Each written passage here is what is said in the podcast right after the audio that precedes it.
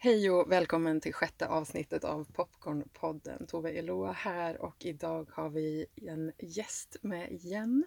Det känns alltid konstigt att presentera vänner som gäster för det är du ju inte i mitt liv. Men Hildur Hadenius, välkommen! Tack! Jättehärligt att få vara här. Det är verkligen jättespännande att få spela in podd med dig för jag tycker du och jag har varje gång vi ses så himla fina samtal. Jag tror och känner att det blir viktigt att få ett samtal som andra också får lyssna lite på Mm. med dig. Jättefint att du är här. Vill du presentera dig lite själv? Någonting kanske om hur vi lärde känna varandra? Någonting om dig? Skulle det vara okej? Ja. ja. Hur vi lärde känna varandra, ja. Jag tror jag hittade dig genom akka-meditation. Så var det Ehm, kanske. Men jag fascinerades ju också av det här att du har en akademisk utbildning, att du är socionom och har en så tydlig post liksom i samhället i ett jobb och att du kunde vara i det här andliga och det liksom frågande, utvecklande samtidigt eftersom jag kände att jag delade det med dig. Jag är ju läkare, gynekolog eh, och samtidigt väldigt intresserad av eh, andra typer av läkningen inom skolmedicinen och andligheten en stor del av mitt liv också. Så att jag fascinerades av det hos dig. Och på den vägen var det sen. Mm. Jag vill minnas att vi träffades första gången också på en meditation hos någon annan och att vi sen eh, kom att Ja, eh, träffades i någon av mina cirklar och sen tog det med ut i, ja, men i en vardag. Liksom. Det är inte Mm. så länge sedan egentligen, men det har liksom blivit en, en, en fin del av mitt liv att ha dig där. Och jag tänkte, och inför idag, lika lite som annars har vi ju som sagt ett manus, men, men någonting vi har pratat lite om inför att vi skulle spela in idag har ju varit temat med meningen i livet, eller meningen med livet mm. det är liksom så här, man sitter och ler när man, man ska prata om det bara för att det är så stort och komplext. Men jag sa det innan vi tryckte på rec, liksom att jag tror att det finns också en gåva i att få berätta bara sådär, precis som du gjorde nu, att jag menar att både du och jag delar både en akademisk bakgrund och en, ett liv i vad, vad man nu kan definiera som andlighet eller som du sa fint, en annan läkning, liksom, en Mm. traditionell skolmedicin eller akademi. Och det tycker jag är spännande för jag kan tycka att jag möter ganska många människor i min, i min firma så, som längtar efter det, att få integrera. Där det faktiskt inte räcker med bara det vi vet och kan ta på riktigt. Utan vi behöver någonting mer att hämta hem en kontakt med något större. Mm. Så.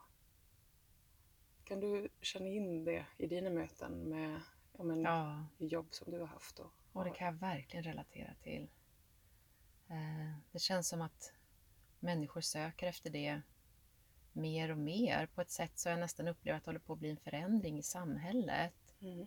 där vår del av världen ju har varit väldigt man säga, uppdelad. Eller där vår del av världen då är den del där man är minst religiös eller andlig, Mm. eller det som traditionellt har varit andlighet. Så Mm. tror jag att det är på väg tillbaka på ett helt annat sätt. Precis. Och när jag, jag ägnat mycket tid senaste året åt att djupdyka i forskning lite kring det här eftersom jag har försökt hitta sätt i hur jag ska kunna arbeta på ett holistiskt sätt och ha vetenskapligt stöd för det och sådär. Att integrera andligheten och läkekonsten eller Ja. läkarrollen. Försöka avflumma lite vissa Mm. grejer som folk har fördomar mot. Och, och då märker jag att då kommer jag tillbaka till det här med liksom, ja, meningen med livet där också. I det här vad det som händer i samhällen. För ja, meningen med livet är väl en av de stora frågorna som återkommit. Som vi har ställt oss i alla kulturer i alla tider. Mm. Sant. Verkligen. Och de som liksom har tyckt sig kunna svara på den frågan har ju oftast varit andliga ledare eller de som man har kommit till för att fråga andra saker, varit ledande i samhället och att hur vi har besvarat den frågan har lite skapat de kulturer vi har haft. Och så även idag känner jag att det vi tror på nu i samhället, rent eh, krasst det jag är uppfostrad med, är ju liksom Darwin-teorin, survival of the fittest, den här Mm.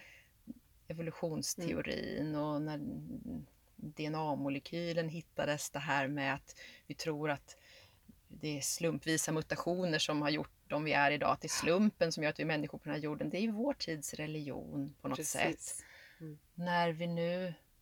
Jag tror att det är det som har skapat det samhälle vi har med så mycket stress och kamp och så vidare. Att grunden till vad, vad det är vi är här för. Att det är bara de som är bäst lämpade som ska överleva på något konstigt sätt, att vi har det i oss. Så tror jag att när, vi, när nu forskningen liksom, det kom, när det kommer så mycket inom både cellbiologi och kvantfysik, epigenetik, när vi förstår att ja, det här var nog sant, men det finns så mycket mer sanning och vi börjar förstå att det hänger ihop på ett annat sätt. Det finns andra svar på de här frågorna. Mhm.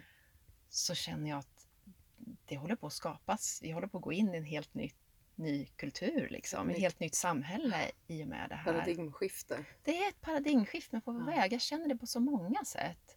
Och att det märks liksom i vad folk letar efter. Att vi är på väg till något nytt när nu svaret på de här frågorna tror jag börjar ändras för de flesta. Det är så spännande. det är så faktiskt. spännande Det är att få vara med i det här. verkligen spännande.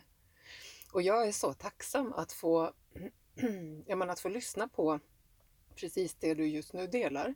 För jag kan tänka att för mig är det en gåva att få höra i en, en vän men också som har, precis som du har, en, en akademisk liksom, bakgrund som läkare, gynekolog.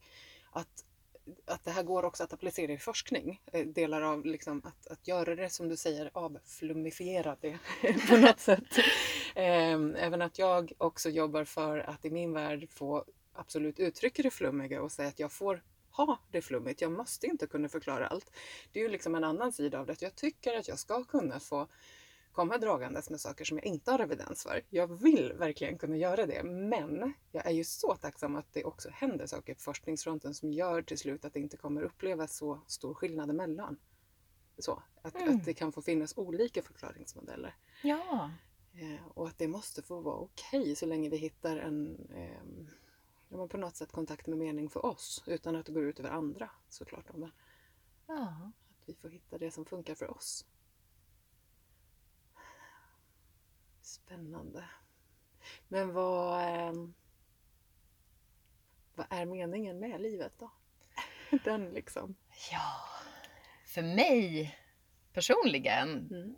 så känner jag ju väldigt starkt att eh, dels att jag tror att meningen kan vara olika för olika människor. Det finns ju inget enda svar, men för mig så känner jag väldigt starkt att det är utveckling. Mm. Att jag, jag är här för att lära mig växa i kärlek. Mm. Och att, att det är möten med andra människor och med mig själv förstås Mm. eh, Mm. som jag växer. Mm.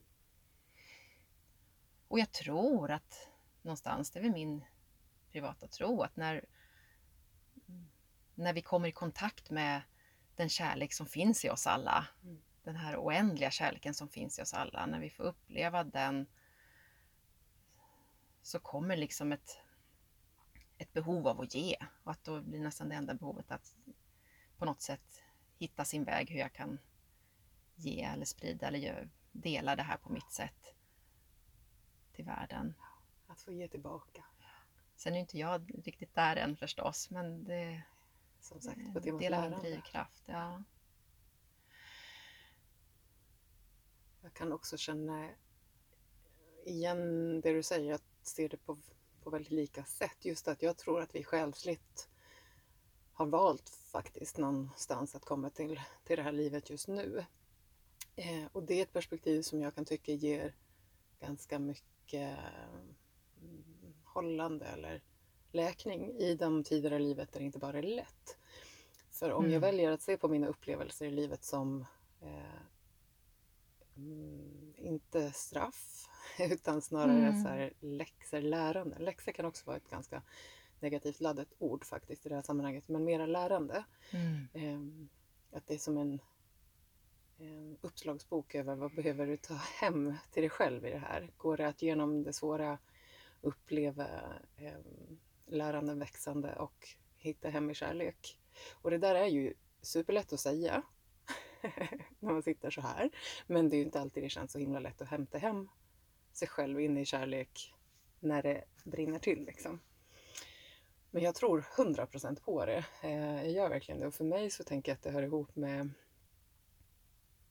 och just att du också delar den här andligheten. Så för mig så är det här också en förklaring på det tantriska perspektivet. Att allt, så som jag ser tantra, att allt är andligt. Mm. Att det är lika andligt att skratta, eh, dricka en kopp kaffe som att gråta, ha sex, gå på begravning. Alltså alla de här sakerna är andliga upplevelser. Eller att gå till jobbet på en måndag morgon trött eller pigg på en AV. Alltså att någonstans att vi också i den här andliga svängen skulle ju ibland, tycker jag, på temat omvänt, så kan vi i den andliga svängen göra det till att andlighet bara händer på mattan. På yogamattan mm. eller i en tantraklass eller en schamansk cirkel. Liksom. Där jag menar omvänt också att vi har valt det här livet nu. Där vi kan jobba med att ha egna verksamheter, jobba som chefer eller eh, städare, välj själva. Och det är andliga praktiker. Om vi väljer att se det så. Det tycker jag är ett viktigt perspektiv att skicka tillbaka också till, till, till våran andra svängen som vi befinner oss i, eller hur? Är du med ja. hur jag tänker? Oh ja. Att andlighet inte ska vara en flykt från det här livet, att Nej. man liksom ska meditera sig iväg till någon annan plats, utan Nej. att ha den kontakten i det vi är i här just nu. En av mina favoritlärare säger ofta att livet är en konspiration till din fördel. Att när knepiga saker händer eh, så är det härligare att bli nyfiken på okej, okay, vad är mitt lärande i den här stunden? Mm. Eller vad är, mm. vad är guldet jag kan pressa ur det här knepiga liksom? Just det här lärandet som du pratar om. Det försöker jag påminna mig själv om ofta. Försöker prata med barnen om också ibland sådär att okej, okay, vad är det för gott för mig i det här? Vad kan vi hämta här liksom? Och samtidigt kanske också innan vi börjar titta på lärandet, det stora fina i det som vi upplever, så tänker jag också, det är ett medskick till de som lyssnar, om det här är nytt, att tänka på det här sättet. Att det känns viktigt att säga någonting om, i min känsla, det här med att det handlar inte om att fly undan det svåra. Att bara titta på det härliga i det som händer, för allting kommer inte vara härligt. Mm. Um, och faktum är att härliga saker också kan ha baksidor. Så är det ju. Att vi som människor också gillar belöningar. Vi gillar ju det härliga men det kan ju också finnas baksidor med dem. Så att någonstans att titta på, inte bara titta för det låter så distanserat, men att tillåta sig att känna det svåra eller tillåta sig att känna det härliga. Men att inte hålla fast vid. Mm. Utan att kunna se det från olika perspektiv. Mm. Det hade varit jätteintressant om man ville spegla hur det här låter om man inte är med i att vanan av att prata om de här sakerna. Så jätteintressant. Får gärna höra av er om det, om det är någonting ni vill dela kring det här temat sen på eh, Insta eller Facebook till exempel.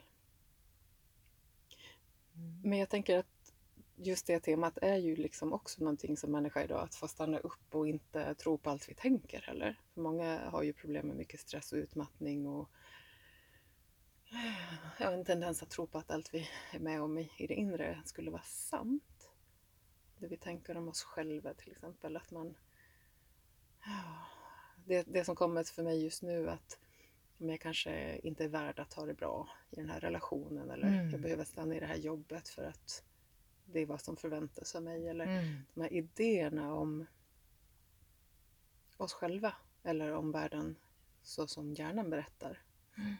Och jag tänker att det kanske är en väldigt långsökt koppling till meningen med livet men, men någonstans är att ja, men vad kan jag hämta för mening just nu i det då? Vad behöver jag lära mig om att få tycka om mig själv eller sätta min gräns eller mm. ja.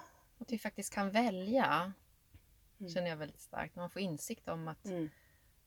mina tankar, mina gamla mönster, mina undermedvetna program inte är mina. Det där har satt sig i mig av samhället eller min barndom eller vad det är. Att, att det går att ändra på så blir det en fantastisk frihet. Mm. Att jag kan mm, välja mitt liv. Jag kan välja vad som styr mitt liv. Jag kan till och med välja vilka signalsubstanser som forsar i mina nervbanor, vilka hormoner som far i mina ådror, då blir det fantastisk möjlighet eh, till att välja det liv man vill ha. Just det, frihetstemat. Mm. Mm. Fri och leva det som är min mening, så att säga.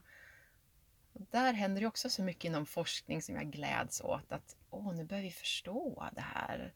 Att det går att välja, att våra tankar och känslor styr hur våra kroppar jobbar ända ner på cellnivå. Det är inte DNA i cellkärnan som vi lärde oss i skolan som ett program för hur våra liv ska bli. Utan det väljer vi liksom med vår energi. Ehm, och hur, det, hur vi kan styra det och hur vi kan påverka varandra med det.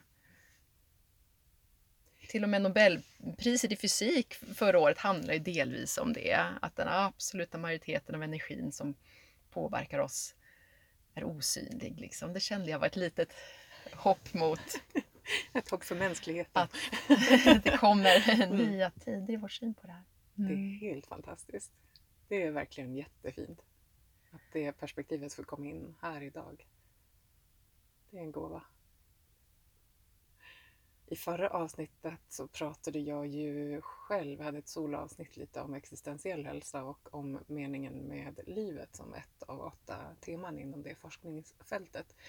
Och där det finns en, eh, en kvinna som forskar på existentiell hälsa som eh, Eh, För er som lyssnade förra veckan kanske känner igen det, men för dig som är ny så har hon också provat det här med att byta ut meningen med livet till meningen i livet. Ja. För hon menar att en del av oss kan liksom ja, man får lite tunghäfta av Mm. liksom det här prestationskravet nästan av meningen med livet. Det är en så stor fråga att det kan vara svårt att relatera för, för en del. Och en del kanske inte är intresserade av själens uppgift på jorden eller liksom att minnas kärlek. Nej men okej, om vi fokuserar då mer på den mänskliga upplevelsen. Vad är meningen för mig just nu? Så meningen i livet pratar hon ju om. Vad är meningen i ditt liv just nu? Mm. Det tycker jag är, eh, det är en fin ingång som blir väldigt eh, mjuk på något sätt. Så märker jag att jag ofta vänder på det också Ja. när jag möter människor. Kanske allra mest i jobbet.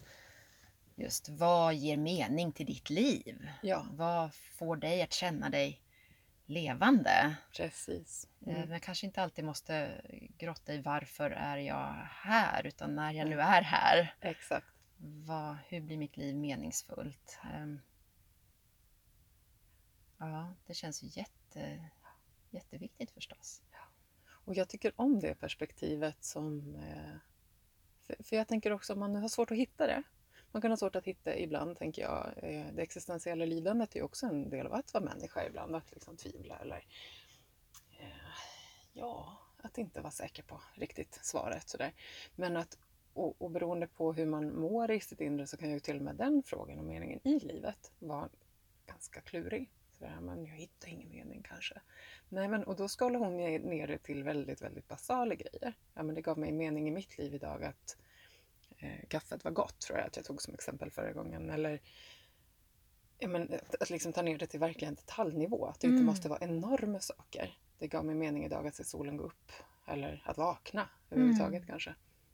Men det som också är intressant i det där är att kan det vara så att vår mening på jorden är också att finnas till för någon annan?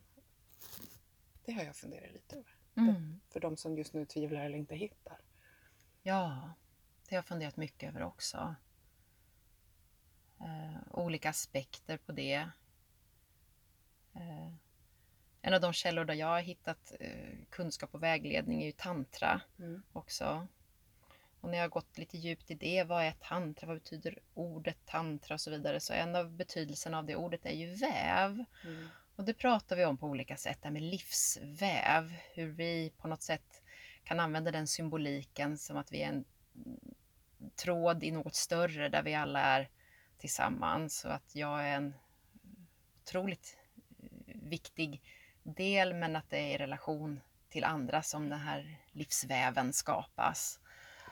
Och för mig så är det väldigt tröstande eller hjälpande eller vägledande kanske att Mm. tänka så att ja, jag finns här för andra utan att det är några speciella förväntningar eller krav i det utan att, att vi lyfter varandra på något sätt i det här som är mänsklighet. Mm. Att vi är katalysatorer eller enzymer, om man vill använda för liknelse, till att Mm. lyfta varandra till växande. Och, och att jag tror att liksom i alla möten med varandra, med andra människor, så uppstår kärlek på något sätt. Om, om man inte känner kärlek så har man liksom inte riktigt mötts på djupet. Att, det här relaterandet till andra är en viktig del av det. Mm. Jättefint. Jag tycker också om liknelsen med väven. Jag kan känna igen det jättefint också. Ehm, den där känslan av att det finns personer på jorden just nu som sitter till exempel i meditation. Jag tänker buddhistiska eh, traditioner till exempel som ja, men någonstans på jorden just nu finns det alltid någon. Alltid, alltid någon som mediterar kring ljuset eller kärleken eller freden. Liksom. Ja. Det kan jag tänka är en sån eh, fantastisk, eh, liksom ett sånt fantastiskt perspektiv. Att mitt i att vi sitter här och spelar in detta eller att någon är i något helt annat så, så sitter det någonstans på jorden människor och önskar frid på jorden. Liksom. Eh, och på temat energi, att vi är så mycket mer än det som ögat kan se, så tänker jag att det gör någonting. Mm. Och att varje person som ägnar en liten, liten stund åt att önska mer kärlek till sig själv, verkligen viktigt, men också till dem omkring. Liksom. Gud vad det är fint på temat väven. Jag kan se det verkligen framför mig som ljuspunkter över hela det här klotet, att det bara glittrar av liksom ja, energi helt Ja. enkelt. Det är verkligen någonting som är det är en vision som gör mig glad, Mm. verkligen. Ja. Tillsammans är det fredsarbete vi gör på något sätt. På olika sätt. Ja. Oj, vad spännande. Och så kan man tänka sig där när någon lyssnar på det här och går tillbaka till jobbet på så måndag morgon. Fredsarbete, hur visar jag det i min arbetsgrupp, till min chef, till min kollega, i mitt klientmöte. Mm. Det är där också att applicera det i vardagen. Ja. Och då tänker jag ibland att ibland räcker det med bara känna sig levande. Eh, Samma lärare som jag citerade nyss, Johan Ekenberg, säger också ofta sådär. Hur levande vill du vara? Hur... Ehm, det tänker jag också ofta. Sådär, Mm. Att våga vara levande bara i det som är vardagen i livet. Att bara känna det som känns och vara i det som är. Och Ja. tro på liksom ändå att jag är precis det jag ska vara just nu. Mm. Och att eh, kunna göra det bästa utifrån det. Det räcker. Mm. Det behöver inte vara några stora hjältedåd liksom i vardagen alltid.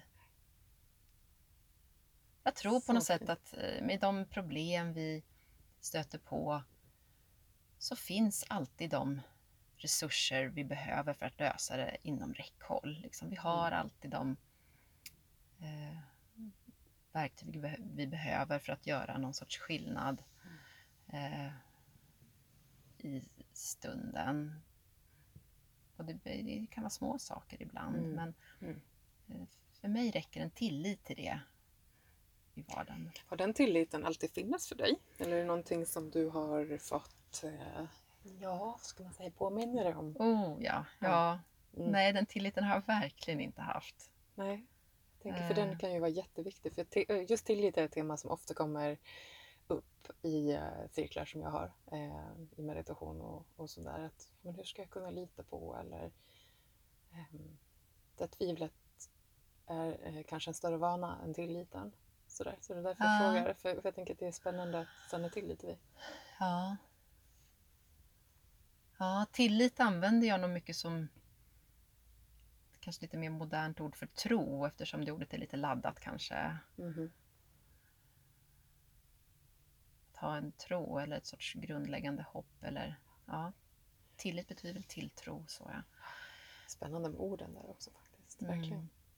Och det var ju det du var inne på där i början också, att Sverige är ju ett väldigt individualistiskt land också och eh, väldigt sekulärt. Och att vi liksom har verkligen i, eh, i vår kultur en idé om att vi ska vara väldigt självständiga, inte del av eh, en religiös grupp eller ja, det finns ju ändå en sån norm i vårt Mm, samhälle och mm. där möjligen då forskningen är religionen, kan jag tänka lite grann. Eh, men att då prata om tillit, tilltro och de här sakerna och att få, få göra det utan att man måste kategorisera sig kanske som Mm. enligt någon viss mm, trosats eller sådär. Jag, jag tycker själv att det är ett så intressant perspektiv också med tillit eller tilltro. Liksom, vad är det jag tror på? Måste, och jag tänker för mig så ligger det väldigt nära länken till att inte ha kontroll. Att inte eh, veta. Utan att för mig så är tillitsbegreppet också kopplat till eh, att släppa taget och åka med. Det har ju inte varit min starkaste gren. Alltså. Det kan man ju bara Mm. konstatera. De, nej, liksom. Och att det kan fortfarande vara, eller är dagligen, en, en resa i att eh, öva på att släppa taget. Um, utifrån sett så vet jag inte, beror det på hur man känner mig tror jag. Eh, I det här rummet som vi sitter nu och spelar in så tror jag att man tänker, men gud vad modigt, typ att trycka på rec och så kör vi. Ja, jo, men det kan jag nu. Här kan jag lära mig det. Men det finns andra rum där jag har så svårt att verkligen på riktigt leva tillit. Då kan jag prata om det men få öva verkligen, verkligen på att, ja, men vad betyder det då som människa på jorden 2020? Att ha tillit. Är det att behöva detaljkontroll? Eller liksom gå runt med oro hela tiden? Eller nej, det var det inte. Nej. Sådär, jag tycker det är liksom, jag behöver inte ens ha svar på frågan men jag tror att det är en intressant, eh, eller jag tycker att det är en viktig fråga att ställa sig själv. Vad är tillit för mig? När känner jag tillit? Ja.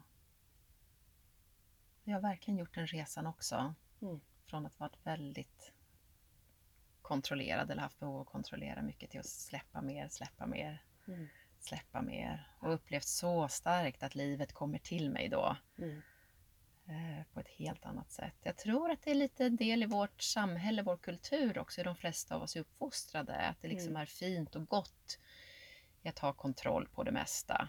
Planera, ha ordning, lägga upp en plan, ha mål. Mhm. Att det liksom är eh, gott på något sätt sett på. Ehm, men det är klart att, och det är klart att det är bra, men Mm. att vi samtidigt ibland skaffar oss sk- skygglappar för att låta livet komma till oss också.